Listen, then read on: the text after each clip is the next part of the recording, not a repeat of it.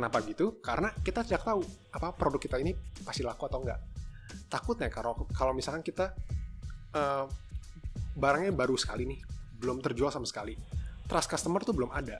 Review juga belum ada. Diskusi juga belum ada. Customer tuh nggak percaya. Meskipun kalian bidnya paling tinggi, misalkan rekomendasi 350, kalian pasang 400 perak. Benar, kalian muncul paling atas. Tapi, diklik tapi nggak dibeli.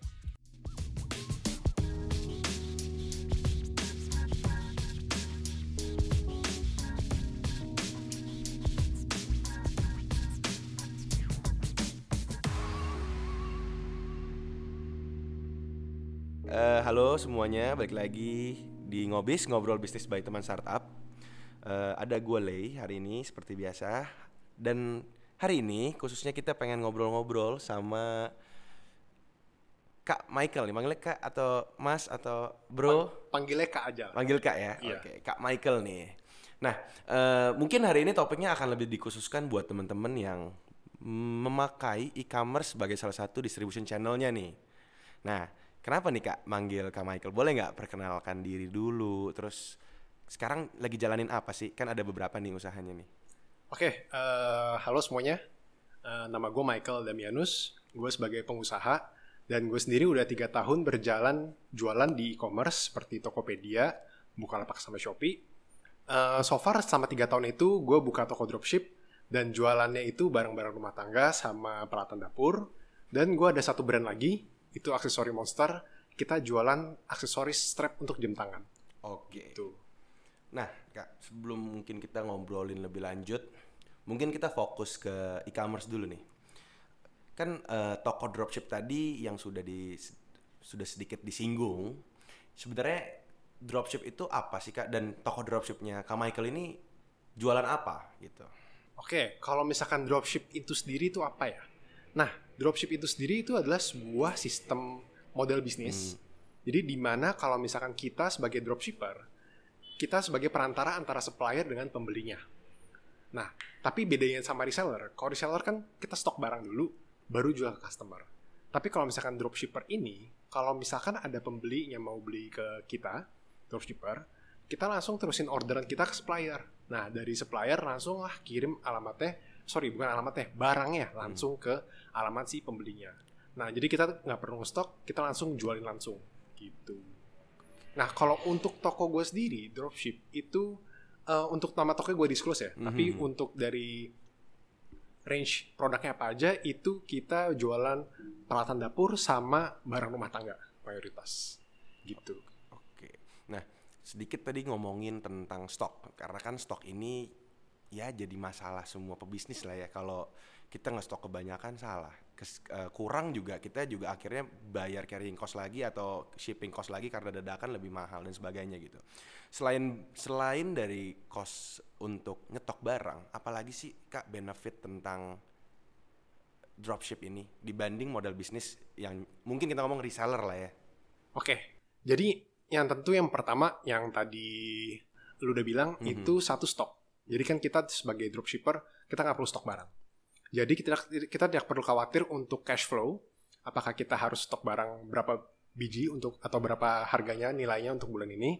Dan kita juga tidak khawatir sama dead stock untuk stok-stok yang tidak terjual juga. Nah kalau untuk yang kedua itu kita fleksibilitas. Jadi fleksibilitas ini yang gue maksud adalah kita bisa fleksibel jual barang apa aja sebagai dropshipper. Yang penting barangnya laku itu bisa kita jual kalau misalkan reseller kan kita harus stok dulu, kita harus riset market dulu secara dalam dan lebih lama makan waktu. Tapi kalau dropshipper itu lebih singkat waktunya untuk riset, jadi lebih fleksibel. Dan so far sih untuk mainnya itu sih, untuk kelebihannya ya, gitu sih. Oh ya, sama yang ketiga itu adalah dropship itu modalnya minim ya, gitu. Jadi kalau misalkan kita reseller itu kan kita harus ngestok minimal mungkin at least 10 juta, 5 juta untuk stok barang aja. Dan bisa jadi 5 juta itu untuk satu barang doang, satu SKU. Tapi kalau misalkan dropship, kalau misalkan untuk kos sekarang, misalkan kita buka di Tokopedia, buka lapak sama Shopee, kita cukup bayar power merchantnya ataupun uh, star seller di Shopee ataupun buka mall itu mungkin hanya butuh dana di bawah sejuta juga udah bisa mulai sih untuk dropship gitu. Oke.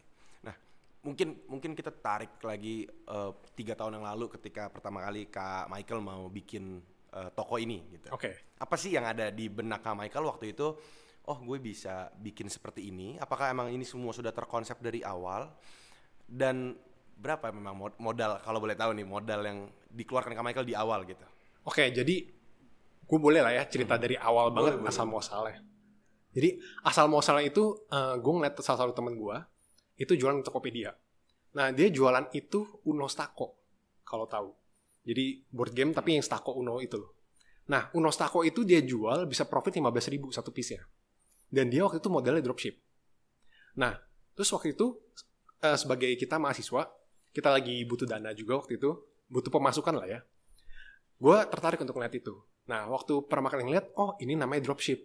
Oh mudah juga ya, gampang juga ya. Dan waktu itu tahun 2017 nama Tokopedia itu belum naik banget. Apalagi Shopee. Shopee itu baru masuk di Indonesia. Nah, mulai dari situ jadinya.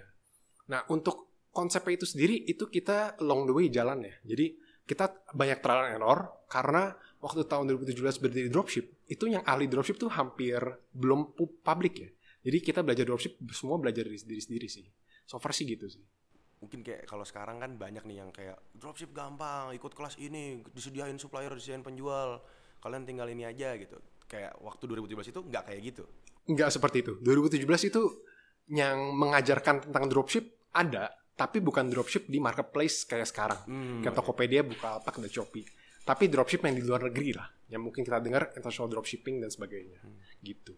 Berarti dengan uh, statement kayak dropship tuh nggak butuh modal besar bahkan mungkin bisa dari nol gitu. Itu bener nih? Uh, kalau misalkan dari nol banget nol rupiah mungkin enggak kali ya. Tapi kalau misalkan tadi dari pertanyaan gue itu start awal modal itu mulai dari 800 ribu. Jadi waktu itu Tokopedia belum ada power merchant power merchant kan kita di charge-nya satu persen atau tiga persen kalau nggak salah sekarang nah kalau misalkan waktu itu kita bayarnya per bulan bayarnya per bulan itu waktu itu 50 ribu per bulan jadi langsung ambil paketan satu tahun. Nah, selain 800 ribu itu, selain untuk bayar buat modal power merchant untuk per bulan Tokopedia, 800 ribu itu buat jadi dana talang juga. Jadi kita kalau misalkan ada pembeli yang beli ke, beli ke barang ke kita, kan duitnya tidak langsung ditransfer. Kita harus beli dulu dari supplier. Nah, nanti setelah supplier kirim barang ke customer dan sampai barang di customer, baru dananya cair ke kita. Nah, di masa itu kita kan harus talangin dulu dananya. Nah itu 800 ribu itu dana talang juga. Berarti kan seperti yang tadi Kak Michael bilang nih banyak banget nih perubahan yang terjadi uh, dulu dan sekarang tentang masalah dropship ini nih. Nah kalau menurut Kak Michael sendiri kondisi dropship di e-commerce di Indonesia saat ini tuh gimana sih kondisinya pasarnya? Kondisi pasarnya ya itu sama tiga tahun yang lalu itu jauh sekali berbeda kalau tiga tahun yang lalu kita dropship barang yang laku aja. Tapi kalau misalkan untuk tahun yang sekarang-sekarang ini 2020, kita bukan dropship barang yang laku, tapi gimana caranya kita branding toko kita itu semenarik mungkin bagi pembeli. Jadi bukan asal barang apa aja yang laku kita jual, tapi kita harus bener-bener branding sama marketing yang rapih lah uh, sebagai toko dropship di tahun-tahun sekarang ini sih. Karena kan banyak banget nih uh, komen atau pertanyaan yang masuk gitu. Kita sempat beberapa kali ngebahas tentang branding gitu. Tapi kan kalau kita ngomong lebih jauh, branding ini kan kayak oke misalnya gue bikin clothing, terus brandingnya pesan apa sih yang lo sampein, value apa sih yang lo tawarin gitu. Sedangkan kan kalau dropship itu sebenarnya bukan barang kita dan barang-barang common aja yang ada di pasar gitu. Nah kalau kita ngomongin tentang branding, tentang uh, e-commerce, uh, sorry dropshipping di e-commerce mungkin kurang lebih ya konsep produknya itu mirip sama reseller lah ya gitu produknya sebenarnya se seberapa penting sih dan branding seperti apa yang tadi Kak Michael maksudkan untuk toko-toko di Tokped ini gitu. Oke, jadi kita ngambil contoh aja ya. Branding itu kan beda-beda untuk setiap produk yang kita jual. Kalau misalkan ngambil contoh toko gue sendiri, toko gue sendiri itu kita jual di Tokopedia, Bukalapak, sama Shopee dan kita jualnya itu barang-barang rumah tangga sama peralatan dapur. Nah, konotasinya barang-barang yang kita jual rumah tangga sama peralatan dapur ini, so far itu barang-barang seperti alat pengasah pisau, terus mixer, uh, sama apa lagi ya, set pisau juga. Nah, itu sendiri pasti customer udah tahu cara pakainya. Tapi kalau misalkan dari segi market kita, kita brandingnya itu adalah gimana cara kita branding toko kita itu terpercaya. Ada garansinya Jadi yang beda-beda, yang beda banget sama supplier, sama toko-toko lainnya, kalau dari apa hmm, barang-barang rumah tangga, itu kita di bagian di bagian garansinya itu kepercayaan customer. Jadi kalau misalkan di toko gue sendiri, kita berani garansi uh, selama dua hari. Jadi selama bisa komplain ke marketplace kita garansiin dan kalau misalkan barang hilang kita pasti kembaliin dananya gitu. Itu sih so far branding untuk toko gue contohnya. Tapi kalau misalkan nih kita jualan dropship barang-barang otomotif barang-barang otomotif itu yang harganya 200 ribu ke atas. Jadi kan kita targetnya itu adalah target konsumen-konsumen yang punya duit nih, yang punya mobil. Nah, mobilnya mereka tuh berapa juta? Ada yang level 100 juta kah? Ada yang level 200 juta? Kan beda kan yang namanya kita jualan barang ke pemilik mobil Agia sama pemilik mobil Mercy kan beda banget kan. Nah, itu brandingnya tuh berbeda lagi. Mereka bukan di bagian garansinya, tapi mereka tuh di bagian kualitas produknya bagus atau enggak eksklusif atau enggak apakah barang ini tuh umum banget dipakai sama semua orang? Kadang kan bagi orang yang misalkan punya mobil Mercy itu mereka mengincar eksklusivitas ya. Jadi makin jarang terpakai atau limited barang-barang yang dipakai aksesorisnya mereka makin tertarik gitu. Tapi beda juga lagi kalau misalkan kita marketing ke pemilik-pemilik mobil misalkan mobil Agi ataupun Avanza itu kan mereka cari yang penting aksesorisnya berkualitas tinggi dan fungsional gitu. Jadi tergantung dari produknya, tapi brandingnya, value-nya pasti disesuaikan sama pasar dan juga kompetitor juga gitu. Uh, mungkin gue setuju banget sih kak, karena kan tadi lo sempat ngomong kayak produk, eh sorry, uh, toko lo ini kan uh, peralatan dapur misalnya, berarti kan mostly ya ibu rumah tangga gitu. Dan ibu rumah tangga ini kan kadang-kadang yang uh, meragukan pembelian di uh, e-commerce nih tapi dengan lo uh, lo memberikan tadi branding kayak garansi lo boleh tuker apa segala macam akhirnya kan pains mereka ketika mereka beli online yang kadang-kadang pas datang pisaunya nggak tajam atau patah atau apa kan terselesaikan. Dan itu lo tanamkan untuk di branding toko lo. Tapi gimana sih caranya lo bisa uh, menyampaikan? Selain dari misalnya uh, secara secara ini deh secara teknis gitu. Di Tokped atau di Shopee kan kita dikasih kolom terbatas. Kita juga nggak bisa banyak bermain dengan produk yang sudah adanya ini. Cuman tips and triknya untuk menyampaikan pesan itu seperti apa? Oke kalau kita ngomongin teknis ya kita coba posisikan diri sebagai pembelinya. Sebagai pembeli alat pengasap pisau itu sendiri misalkan. Kita ambil contoh Tokopedia. Tokopedia sama Shopee konsepnya kurang lebih sama mungkin tekniknya beda dikit. Kita pertama kali yang Tokopedia dulu. Nah kalau Tokopedia pertama kali uh, pembeli, misalkan ibu rumah tangga, pasti bukanya lewat HP kebanyakan. Bukan dari komputer. Kalau dari HP, pasti tampilannya lebih kecil dong. Nah, pertama kali kita search, itu adalah, uh, yang mereka search adalah kata kuncinya. Alat pengasap pisau. Nah, yang pertama kali, itu adalah kata kunci itu kita harus dapetin. Mereka yang paling search itu apa aja. Nah, kalau misalkan mau teknis lagi, kata kunci yang paling laku itu bisa dicari di Shopee. Jadi coba aja buka toko di Shopee, taruh produk, coba iklankan di bagian fitur iklan Shopee, itu semuanya ada kata kuncinya.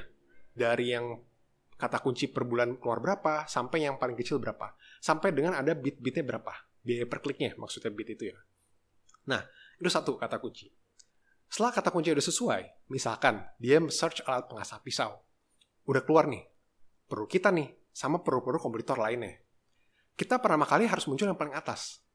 Coba kalau misalkan uh, bagi para pendengar nih, kalau misalkan search di Tokopedia ya, kalau misalkan dari HP, itu pasti barisnya dua-dua.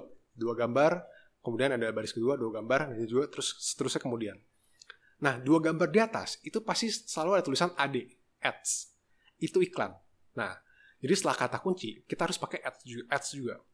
ads itu kita harus berani bayar juga yang uh, mahal. Tapi jangan terlalu mahal juga kalau misalkan baru pertama kali jualan. Nah, setelah kata kunci, setelah ads, yang ketiga yang dilihat adalah gambar. Nah, gambarnya itu, misalkan nih value yang tadi gue bicarakan adalah value garansi. Nah, value garansi itu gue tempel. Kalau gue bener-bener garansi. Gue tempel logo garansi gue di foto produk yang utama. Yang pertama kali dilihat sama pembeli. Gitu.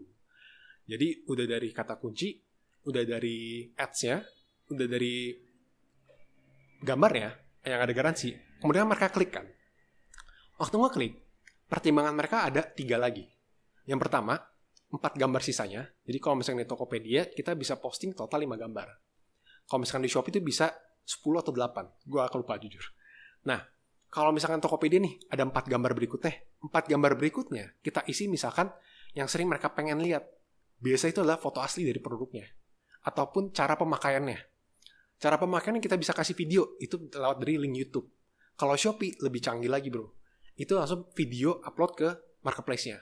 Jadi maksimal tuh 60 detik. Nah video itu bisa bikin sendiri atau kita cari di marketplace lainnya. Nah, marketplace lainnya itu bisa di Alibaba. Itu paling banyak video-videonya bisa ambil. Cuma 60 detik itu ambil, download, nanti posting di Shopee. Gitu. Habis setelah video juga deskripsi produk. Nah, deskripsi produk kita tekankan juga kalau kita ada garansi. Setelah deskripsi ada gambar, yang terakhir adalah chat. Kita harus balas itu balas chat itu cepat juga. Jadi kalau misalkan dari pengalaman gue, kalau misalkan kita balas chat 3 jam kemudian, itu biasanya mereka udah beli produk di kompetitor lainnya. Jadi gimana cara kita menggait lebih cepat dan konversi ke sales atau closing, jadi mereka beli juga, itu kita balas chatnya harus cepat. At least paling cepat satu jam itu paling maksimal sih, paling lama gitu sih. Udah sih so far sih, itu paling teknis semuanya kayak gitu. Karena, jadi step by step ya. Karena relate sih, kayak uh, gue deh gitu. Mungkin uh, kalau gue, misalnya gue gue tipikal orang yang nggak akan memfilter dari harga atau lokasi. Kayak pokoknya gue lihat paling atas gue liat nama keluar muncul gambar bagus pas gue slide ada ada foto asli deskripsi jelas maksudnya bukan toko-toko yang uh, yang kayak gak jelas gitu ya. Terus gue chat pasti kan orang tuh hai barang ini ada nggak yang template di bawah tuh? At least itu dulu. Padahal tahu pasti ada pasti gitu. Cuman kan pas dibalas cepat itu kayak wah udahlah cepat langsung tetet. Karena kadang-kadang orang apalagi kebutuhan rumah tangga gue ngerasa kalau kebutuhan rumah tangga apa kayak gue butuh cepet nih gitu kayak bukan yang sesuatu yang bisa dibeli nanti atau kapan gitu jadi konversi waktu tadi juga sangat uh, sangat penting ya kak ya untuk uh, konversi ke sales. Oke. Nah kan kak Michael nih juga jualan uh, produk lain yang uh, yang kurang lebih berbeda dengan toko dropship ini yang tadi strap jam tangan. Apa sih perbedaan branding di toko tadi dan branding untuk suatu produk yang spesifik nih? Oke, kalau misalkan kita ngomongin branding ya, jadi balik lagi ke kata-kata yang gue pertama tadi. Tergantung produk sama target marketnya, ataupun pembelinya yang target market ini. Pembelinya ini kalau misalkan alat pengasah pisau kan ibu rumah tangga. Ibu rumah tangga yang penting mau, kalau bisa yang murah harganya, memang benar harga murah itu salah satu faktor paling penting juga. Tapi kalau misalnya kita sebagai dropship nggak bisa saingan sama harga, kita bisa saingan dengan garansi, ataupun deskripsi, ataupun balas lebih cepat. Kalau misalkan tadi strap. Kalau strap ini targetnya bukan ibu rumah tangga, melainkan uh, kebanyakan pria di rentang umur misalkan 20 tahun sampai dengan 35 tahun yang cukup trendy dan juga mau bermain aksesoris di jam tangannya. Yang mereka pentingin itu apa? Pasti kualitas sama model. Jadi pertama kali branding yang kita keluarin adalah kita itu kualitasnya mungkin nomor satu ataupun kualitasnya terbaik juga. Tapi harganya yang kita tawarkan juga masuk akal. Karena kita main juga ada strap custom, ada juga strap yang biasa. Nah, kalau strap custom pasti jatuhnya lebih mahal. Karena mereka custom dan juga butuh waktu. Tapi kalau misalkan strap gue sendiri, itu strapnya impor semuanya. Nah, itu kita harus set harga di bawah strap custom. Biar lebih menarik bagi pembelinya. Nah, untuk brandingnya lagi, misalkan nih, selain kualitas, kita juga sediain modelnya banyak dan ukurannya banyak. Karena kalau misalkan dari segi strap jam itu sendiri, itu kalau misalkan kita ngomongin branding adalah kita ngomongin eksklusif sama kualitas dan juga variasi. Nah, makanya gue kedepankan itu bagiannya uh, variasi banyak. Jadi kita pakai link-link di deskripsi. Kalau misalkan nggak suka strap yang ini, model yang motif ya, kita ada model yang lain loh. Gitu. Atau kalau misalkan bagi orang-orang yang baru pertama kali uh, mau ganti strap jam tangan, mereka mereka tidak punya toolsnya ataupun alatnya untuk alat copot pasangnya.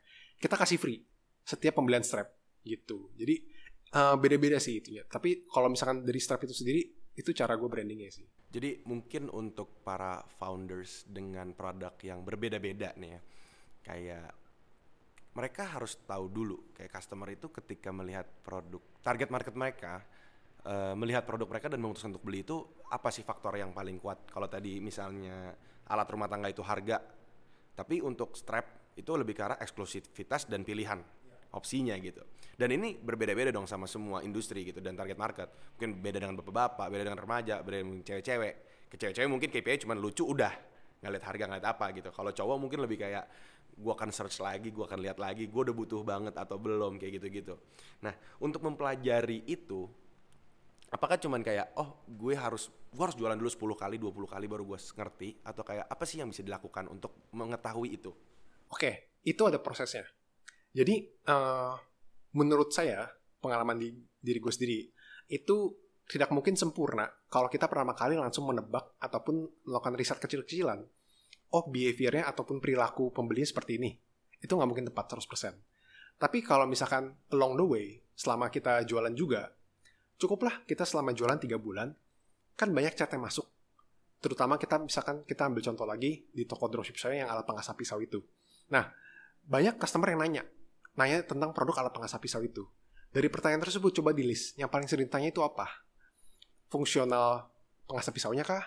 Apakah mereka bertanya apakah ini benar-benar bisa berfungsi mengasap pisau? Atau yang ketiga, apakah ini barang sesuai dengan foto? Apakah ini ada garansinya? Nah, itu pasti semua keluar pertanyaannya. Jadi, pertama kali memang kita mengira sama riset kecil-kecilan. Riset kecil riset kecil-kecilannya gimana caranya? Kita bisa tanya ke uh, sesama uh, keluarga atau saudara yang mungkin target market kita. Misalkan kita jualan alat pengasap pisau, kita tanya ibu kita. Ataupun kita tanya saudara kita yang mungkin baru ibu beribu rumah tangga juga.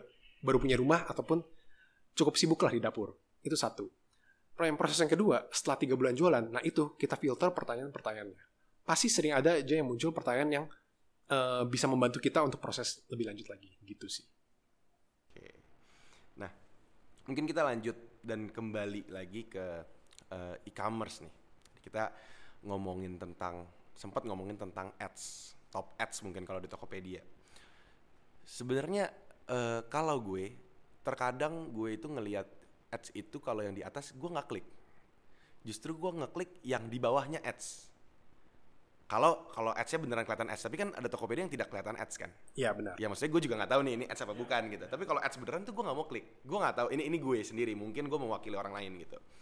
Tapi kan kalau yang titik nomor satu di depan itu nggak ketahuan kan? Maksudnya nggak ada bacaan kalau itu ads, tapi udah pasti ads gitu. Nah, apakah pemasangan ads di Tokopedia itu seefektif itu dan uh, steps apa sih yang harus dilakukan sebelum gue pasang ads gitu? Oke, yang pertama efektif atau enggak? Itu efektif banget jadi kalau misalkan gue buka data di toko gue sendiri, 80% penjualan itu dari ads. Kemungkinan 20% sisanya adalah orang yang klik ads gue, kemudian dia buka toko gue, baru beli barang. Dan itu tidak terhitung ads oleh marketplace. Jadi terhitungnya tetap 80%.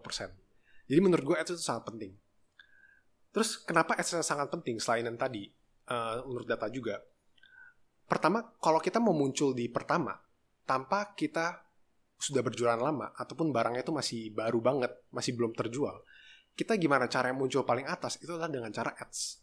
Gimana cara kita mengalahkan algoritma ataupun posisi supplier-supplier ataupun kompetitor yang sudah berjual ribuan produk di produk itu. Padahal kita jual baru jualan juga nih dan kita perlu terjualan nol. Salah satunya adalah ads untuk bersaing. Biar jadi muncul nomor satu di halaman pertama gitu. Karena nggak mungkin juga pembeli itu uh, belinya itu di halaman ketiga, halaman ke-10 itu nggak mungkin. Biasanya di halaman satu atau dua, dua itu maksimal. Gitu. Itu seberapa efektifnya ads. Kalau kedua, apa sih yang perlu dipersiapkan? Nah, balik lagi yang tadi proses step by step ketika kita jadi pembeli. Yang pertama, kata kunci. Kata kunci itu penting banget. Karena kalau misalkan kata kunci judul yang gue maksud di sini itu salah, ads ini semuanya salah juga. Karena dari Tokopedia sama Shopee sama Bukalapak ads-nya mereka yang pakai biaya per klik, kalau misalkan mereka yang pakai kata kunci, itu mereka berbasiskan dengan judul kata kunci. Judulnya itu sendiri. Kalau judul kita salah, berarti salah fatal dong. Semuanya sudah salah fatal ke belakang. Nah, jadi pertama kali itu judul. Judul itu harus sesuai dengan kata kunci yang sering di-search oleh orang-orang di marketplace. Kata kunci dari mana? Search-nya di Shopee. Terus yang kedua, setelah kata kunci, gambar. Gambar kita harus edit sebagaimana rupanya, kita itu menarik balik lagi tadi branding. Kita pakai warna misalkan kalau misalkan toko gue sendiri itu merah warnanya. Jadi kalau misalkan kalian tahu di mall Miniso nah kita itu kurang lebih 11-12 seperti Miniso. Kita pakai warna merah gitu. Logonya juga mirip-mirip juga gitu. Miniso sama Uniqlo tuh mirip-mirip. Nah kita kenapa milih warna merah? Biar mencolok. Kalau misalkan nih uh, saya kasih tahu tipsnya kompetitor itu kebanyakan pakai background warna putih. Nah bayangin kalau misalnya kita merah sendiri backgroundnya tapi merahnya bukan mencolok merahnya itu yang lebih halus lah gitu ataupun misalkan ada branding-branding toko kalian yang berbeda-beda lagi, mungkin ada kuning, ada biru, itu berbeda-beda. Terserah kalian dan juga tergantung brand kalian sendiri. Itu itu kedua, yang gambar. Sama yang ketiga itu adalah deskripsi. Deskripsi kita harus udah siap sebagai uh, si, siap, maksudnya siap ini adalah kita tuliskan value toko kita. Misalkan kalau ada garansi kita tulis ada garansi. Kalau misalkan barangnya ada spesifikasi, panjangnya berapa senti, berapa te, beratnya berapa gram, itu kita tulis semuanya. Biar customer tuh benar-benar percaya sama produk kita. Gitu. Sama yang terakhir, siap-siapin admin, admin ataupun balas cepat. Gitu. Barulah udah siap ads itu. Oke. Kita kita mungkin fokus ke kata kunci nih. Ya. Uh, gue sempet ngobrol-ngobrol sama beberapa teman gue yang juga uh, seller di Tokopedia gitu. Anggaplah misalnya gue menjual uh, sepatu merek Lei warna biru terus gue mau masukin ke Tokopedia gitu daripada gue menuliskan sepatu lei warna uh, sepatu lei blue misalnya lebih baik kayak alas kaki pria sepatu biru running dan sebagainya karena pencarian kata itu bisa aja orang nyari sepatu tapi nggak sebut sepatu Benar sekali. Boleh dijelasin gak tuh? Karena agak lumayan menarik pas waktu itu uh, gue dijelasin. Oke, jadi gini. Ini sama halnya seperti salah satu teman gue juga. Teman gue itu uh, perempuan juga, dia jualan baju-baju wanita. Dia pernah kali posting di Shopee, itu pakai nama brand dia sama modelnya. Misalkan baju uh, wanita ini yang dia post adalah sebenarnya kalau misalkan kalau dilihat itu adalah blues. Blues blues warna polos ataupun doff Nah, itu sebenarnya jenisnya. Tapi yang dia posting di Shopee, judulnya dia tulis adalah misalkan nama modelnya Flower. Kinfolk. Oh, Kinfolk misalkan. Misalkan Kinfolk. Dia tulis Kinfolk season 1 ukuran berapa. Di mana dia tidak menulis kata kunci sama sekali untuk uh, pembeli untuk mencari jenis barang tersebut. Nah, yang benar itu adalah, jadi gini, kalau secara teknis, kata kunci itu dibaca judulnya dari kiri ke kanan. Maksudnya gini, kita jangan pakai baju wanita karena gue kurang ngerti kita pakai sepatu tadi. Nah misalkan nih sepatu yang kita jual adalah sepatu lay warna biru. Nah kalau gue boleh tanya sepatunya itu sepatu sport casual atau formal? Misalnya sport. Oke okay. sepatu sport. Gue tanya lagi sepatu sportnya sepatu buat gunung atau sepatu lari? Misalnya lari jadi udah detail ya sepatu lari sport merek, merek lay, lay merek lay warna, warna biru, biru. oke okay. Pertama kali kita search dulu di Shopee. Kita coba kita klik sepatu lari. Muncullah semua sepatu lari. Kata kuncinya, ada sepatu lari, ada sepatu lari laki-laki, ada sepatu lari perempuan, mungkin ada sepatu lari murah, dan sebagainya, banyak banget. Anggap dari sepatu lari itu muncul 20 kata kunci yang berbeda-beda. Dari 20 kata kunci tersebut, kita lihat traffic yang paling tinggi yang mana, dan paling relevan. Misalkan kita langsung ambil contoh 5 atau empat deh yang gampang. Sepatu lari laki-laki karena uh, sepatu merek Lay ini kebetulan untuk laki-laki. Kedua, ke kemungkinan sepatu laki ini murah, eh sepatu lari ini murah juga. Jadi kata kunci kita ambil adalah sepatu laki sepatu lari laki-laki, sepatu lari murah, kemudian sepatu lari berkualitas dan sepatu lari apa ya? fungsional, misalkan aja, misalkan. Nah, gimana caranya kita meng gabungkan semua kata kunci itu yang tadi empat yang gue sebutkan ke dalam satu judul. Yang tadi gue bilang, judul algoritma Tokopedia, Shopee, Bukalapak itu baca dari kiri ke kanan. Jadi kita taruh sepatu lari itu di paling kiri. Sepatu lari paling kiri. Kemudian tadi kan kata, kata kunci ada sepatu lari laki-laki, sepatu lari murah, sepatu lari fungsional, sama sepatu lari berkualitas. Nah, baru kita taruh tuh kata kunci yang kedua. Sepatu lari laki-laki, lari, fungsional, dan berkualitas gitu. Jadi baca selalu dari kiri ke kanan gitu. Jadi buat founders nih misalnya yang tadi jualan uh, gelang atau apa, mungkin setiap gelang itu ada nama SKU-nya gitu. Tapi kan orang nggak mungkin nyari SKU itu gitu untuk berjualan di e-commerce kecuali memang lo sekuat itu di Instagram sampai orang cuman kan convert ke Shopee lo untuk beli. Mungkin itu beda cerita. Iya benar. Nah, mau kalau gue boleh tambahan lagi, uh, yang nama modelnya di brand itu itu boleh ditambahin tapi di akhir. Oke okay, oke. Okay. Karena balik lagi kan kita ada branding juga. Hmm. Gak mungkin dong kita cuma tulis kata kunci yang tadi tanpa kita menuliskan brand kita sendiri. kita brandingnya juga juga nggak ada. Nah, kalau gue kasih tahu lagi, uh, baru bulan lalu itu gue coba, gue itu jual alat pijat kepala yang itu yang di naik turun tuh di kepala. Eh, iya. Nah, tadi itu gue nggak pakai kata kunci. Maksudnya judulnya itu belum dioptimasi lah. Nah, setelah gue riset, gue belajar, gue coba optimasi alat pijat kepala ini. Setelah gue optimasi, biasanya itu dalam satu bulan kita nggak pernah jualan itu produk. Tapi tiba-tiba seminggu setelah gue jual, setelah gue ganti, itu langsung kejual 10 produk. Cuman karena ganti kata kunci. Belum di ads. Gitu. Sepowerful itu sih. Kata kunci untuk judul. Iya. Jadi kalau misalkan judul udah salah, Hmm. semuanya ke belakang udah salah semua. Gitu. Oke, mungkin setelah kita ngomongin kata kunci tadi, kita ngomongin ads. Di Tokopedia ini kan ada banyak ads nih. Dari ads kata kunci, ads halaman paling pertama, ada ads, eh, ada beberapa lah ya, gue juga nggak gitu ngikutin. Kalau lu sendiri, menurut lu yang paling efektif yang mana dan yang lu pakai itu yang mana sih? Oke, jadi gini. Kalau misalkan fiturnya itu sendiri, sebenarnya setiap 6 bulan atau setiap tahun itu pasti berbeda-beda. Bisa jadi namanya doang yang berubah, ataupun fiturnya yang bertambah, gitu. Nah, mungkin bagi para pendengar, yang ini tuh, uh, ads Tokopedia untuk sekarang ini, bulan November 2020, itu ada kata eh, iklan grup, itu yang di paling kiri. Kalau di klik top ads, itu di paling kiri ada iklan grup. Dalam iklan grup itu sendiri ada dua, ada iklan grup produk sama grup kata kunci. Yang kedua, kalau di sebelah kanan ada grup head, ada iklan headline, itu atau di sebagai dikenal iklan toko. Jadi itu yang band. Kalau misalnya kalian search sepatu pria, tiba-tiba muncul di halaman pertama ataupun paling atas itu nama toko, bukan nama produk. Itu namanya iklan headline.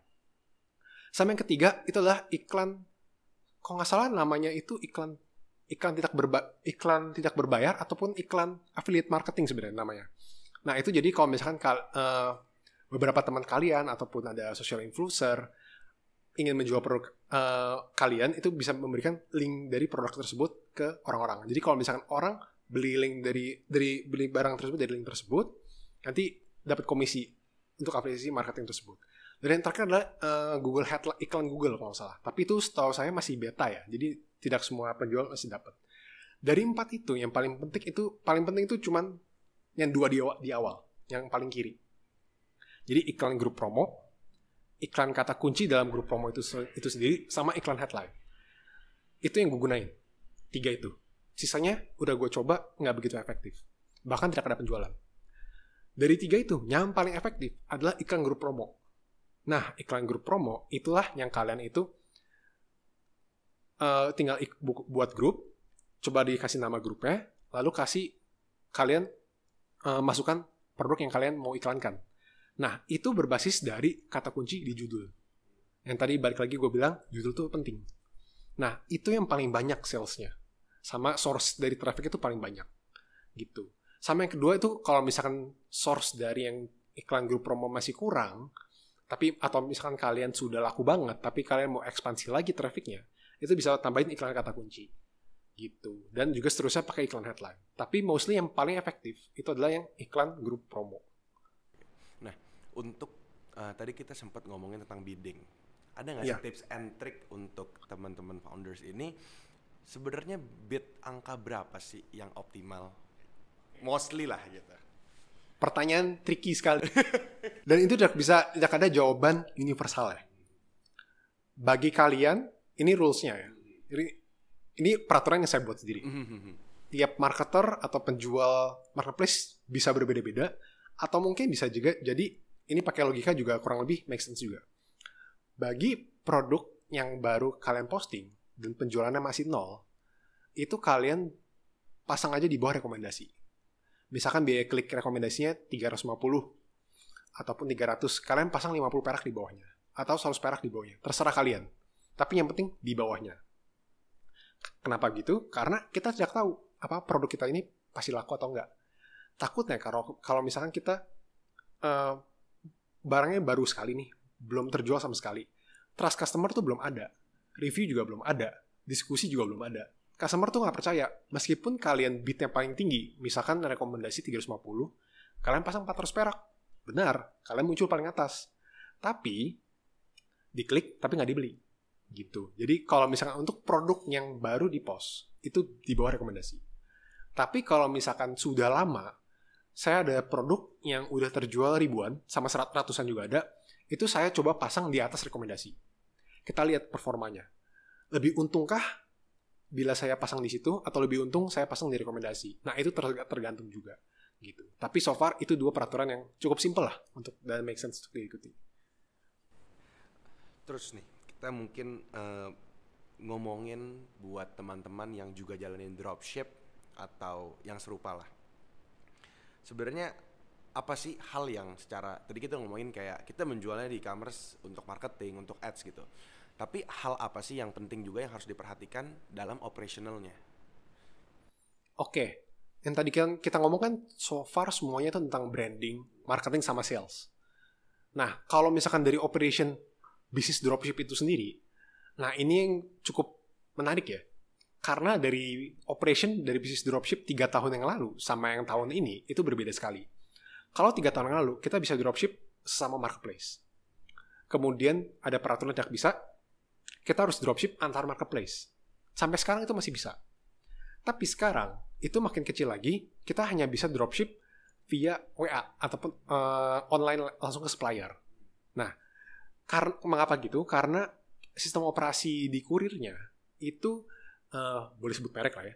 Nah, itu kayak antar aja sama si cepat itu kan menyediakan gratis ongkir di Tokopedia. Kalau misalkan di Shopee itu dia ada kurir kurir sendiri dan setahu saya dia bekerja sama sama JNE. Nah, kurir-kurir tersebutlah yang menyediakan gratis ongkir. Kalau tidak pakai kurir tersebut, tidak gratis ongkir. Gratis ongkir itu adalah salah satu fitur konversi sales yang terbaik juga. Jadi kalau misalnya bisa gratis ongkir, usahakan gratis ongkir gitu. Nah, kita dropshipper, kalau misalnya masih pakai sistem yang dropship antar marketplace, kita nggak bisa pakai antar aja masih cepat. Kita cuma bisa pakai JNE. Karena kita cuma bisa kopas resinya dari marketplace sebelah ke marketplace Tokopedia misalkan. Nah, jadi gimana caranya untuk operation yang sekarang ini? Yang penting adalah kita bekerja sama dengan satu supplier. Yang bisa kita kerjasama, terusin ordernya lewat WA, WhatsApp.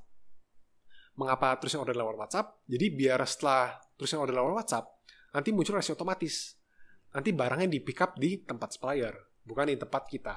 gitu. Jadi untuk operationnya itu sangat penting. Pentingnya itu adalah kita kerjasama dengan salah satu supplier aja. Karena kalau misalkan di tiga tahun lalu atau dua tahun yang lalu, kita bisa bekerja sama dengan puluhan supplier. Yang penting barang yang laku, kita asal kopas uh, nomor resi dari marketplace sebelah ke marketplace yang kita jual. Tapi sekarang ini kita cuma bisa kerjasama dengan satu supplier aja, gitu, untuk memudahkan resi otomatis dan bisa bebas ongkir. Sebenarnya udah banyak banget sih dari tadi yang kita omongin dari marketing, branding, terus selling sampai top ads. Nah, cuman ini juga ada pertanyaan yang uh, gue juga nggak nyangka akan ada pertanyaan seperti ini nih kan kita beberapa kali ngumpulin pertanyaan. Review. Gue tahu itu penting banget. Cuman banyak pertanyaan yang kayak gimana, yang apa yang harus kita lakukan kalau kita di review jelek sama customer. Oke. Okay. Uh, eh, pertama coba posisikan diri kita sendiri sebagai customer ataupun pembeli. Coba kalau misalnya kita diri sendiri kita sendiri, kita kalau ngelihat review itu reaksinya gimana? Reaksi orang beda-beda. Ada yang kalau misalnya ngelihat review jelek langsung tidak mau. Misalkan ada review foto barang rusak ketika sampai. Padahal ulasan di lapak tersebut 4,8. Review jelek cuma satu. Mungkin ada pembeli yang langsung, oh nggak mau lah, barangnya rusak. Ataupun ada pembeli juga yang oh wajar lah barang rusak memang ada resiko bintangnya juga 4,8 kok pasti bagus juga nah pasti ada di antara dua customer tersebut tipe-tipenya tapi cara mengatasinya itu adalah kita gimana cara kita balas di bagian reviewnya jadi kalau misalkan kita di bagian balas review ya misalkan nih kalau misalkan ada pembeli yang melihat ada yang mengatakan review jelek bintang satu terus memberikan foto foto barang rusak juga kita harus balas dengan profesional dan juga berani kalau misalkan tadi value di toko gua adalah garansi kita langsung ngomong di review tersebut. Kak, kalau misalkan tidak puas, kakak masih bisa kok untuk komplain ke Tokopedia di luar pusat resolusi, di luar uh, durasi klaim klaim kita. Nanti kita bisa kembalikan dana atau tukar barangnya. Nah, dari balasan itu kan semua customer ataupun pembeli yang mau beli barang kita dan review kita, itu bisa lihat. Gitu. Itu sih salah satunya. Atau kalau mau lebih, misalkan nih kalian menjual barang yang eksklusif, yang mahal Yang orang tuh beli dikit, terus review dikit juga. Kalian coba langsung hubungi secara personal, secara langsung, lewat nomor teleponnya. Coba aja telepon, kak, uh, kurangnya di mana? Apa, kalau gimana caranya biar kakak bisa langsung bintang 5? Misalnya kita langsung ganti baru, secara gratis, atau gimana caranya, gitu sih. Itu sih so far dua caranya. Dan review itu sangat penting. Review itu sangat penting. Nah, gue agak sedikit mix up antara ulasan dan diskusi. Itu itu apa sih pentingnya dan perbedaannya? Simple sih ya. Kalau misalkan ulasan itu review. Orang setelah beli barang tersebut baru bisa memberikan ulasan. Kalau orang belum pernah beli barang itu, di barang itu atau di link itu, itu nggak bisa ngulas ataupun memberikan review. Kalau diskusi itu hanya cuman kolom diskusi aja. Kak barangnya ready atau enggak? Atau misalkan diskusi antar pembeli lainnya. Misalkan uh, jual alat pengasah pisau tadi, contohnya kak ini beneran tajam nggak? Siapa tahu ada pembeli yang saling bertanya satu sama lainnya. Tapi itu jarang terjadi. Karena bukan forum untuk iya. chatting ataupun komunitas ya. Tapi kalau misalnya diskusi, jujur untuk fitur diskusi itu sendiri itu jarang sih ya dipakai. Kebanyakan customer sekarang itu langsung chat langsung. Dan kalau misalnya chat langsung tuh tidak kelihatan di luar. Tapi yang paling penting sih review ya. Balik lagi. Oke. Okay.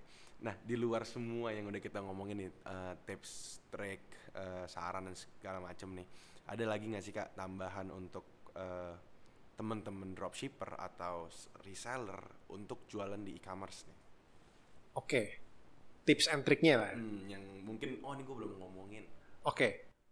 uh, eh, pertama dari tiga tahun berjualan di marketplace, sekarang itu kompetisinya makin sengit ya. Jadi dulu kita bisa asal desain barang, asal post foto dengan background warna putih pasti laku. Sekarang udah nggak bisa jadi kita harus gimana caranya branding sama marketing itu penting banget. Value toko kalian apa? Garansi. Bener-bener tempel garansi. Bener-bener tulis deskripsi ada garansi. Itu satu. Persaingannya sekian sekali. Yang kedua, karena teman-teman gue juga pernah ada yang bertanya sama berguru gue berguru sama gue untuk dropship juga. Mereka itu biasanya tidak nerusin dropshipnya setelah enam bulan. Kenapa? Karena ini bukan pekerjaan yang gampang juga sebenarnya. Apalagi lebih lebih sengit. Tapi bukan mengatakan sudah mustahil, enggak. Tapi bisa banget gitu. Karena kalau misalnya kalian di, search di YouTube, banyak orang yang baru buka satu tahun atau enam bulan, omsetnya udah bisa 100 juta, bahkan ada yang 200 juta juga gitu. Yang penting tahu caranya gitu dan mau belajar. Sama yang ketiga itu konsisten. Jadi yang tadi gue bilang kita harus riset kata kunci judul satu persatu tiap produk. Kalau kita dropshipper, kita harus posting banyak produk.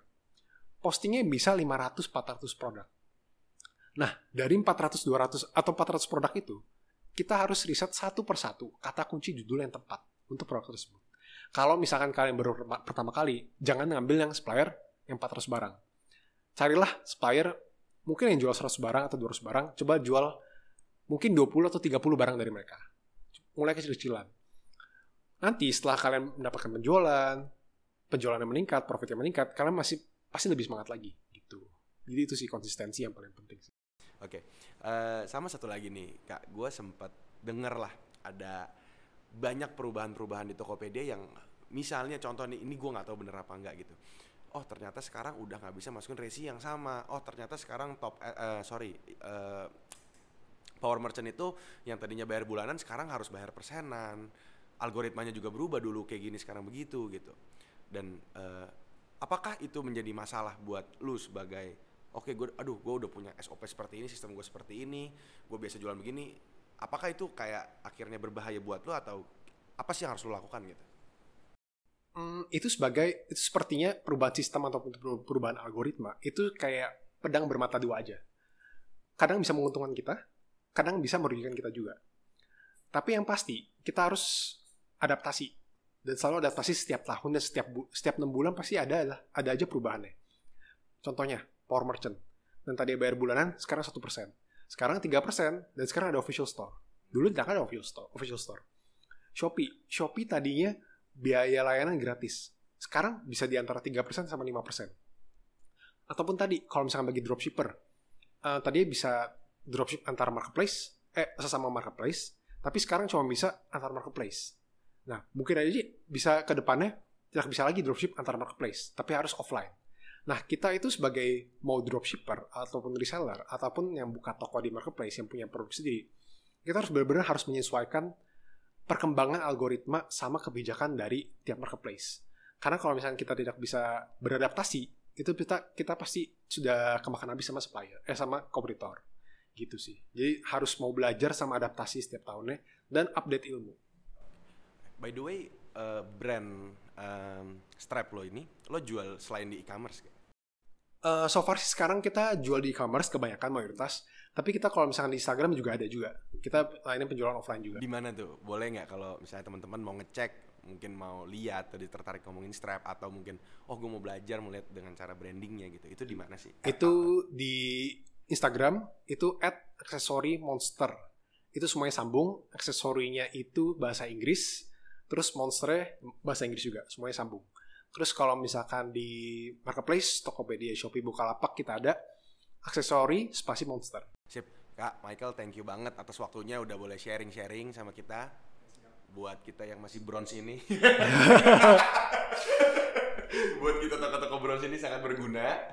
Uh, sukses terus ke depannya. Mungkin buat para founders masih banyak nih yang uh, bingung atau mau nanya-nanya lagi lebih lanjut tentang uh, marketplace atau e-commerce atau salah satu spesifik gitu Tokopedia, Shopee segala macam. Nanti kita akan buka kolom question and answer di Instagram kita, di Instagram story. Uh, boleh langsung nanya ke Kak Michael, mungkin akan lebih dijelaskan lebih jelas sama Kak Michael daripada sama kita. Boleh, boleh silakan. Siap Kak. Thank you banget ya Kak ya. Oke, siap. Oke. Uh, kalau gitu thank you sampai ketemu di podcast selanjutnya.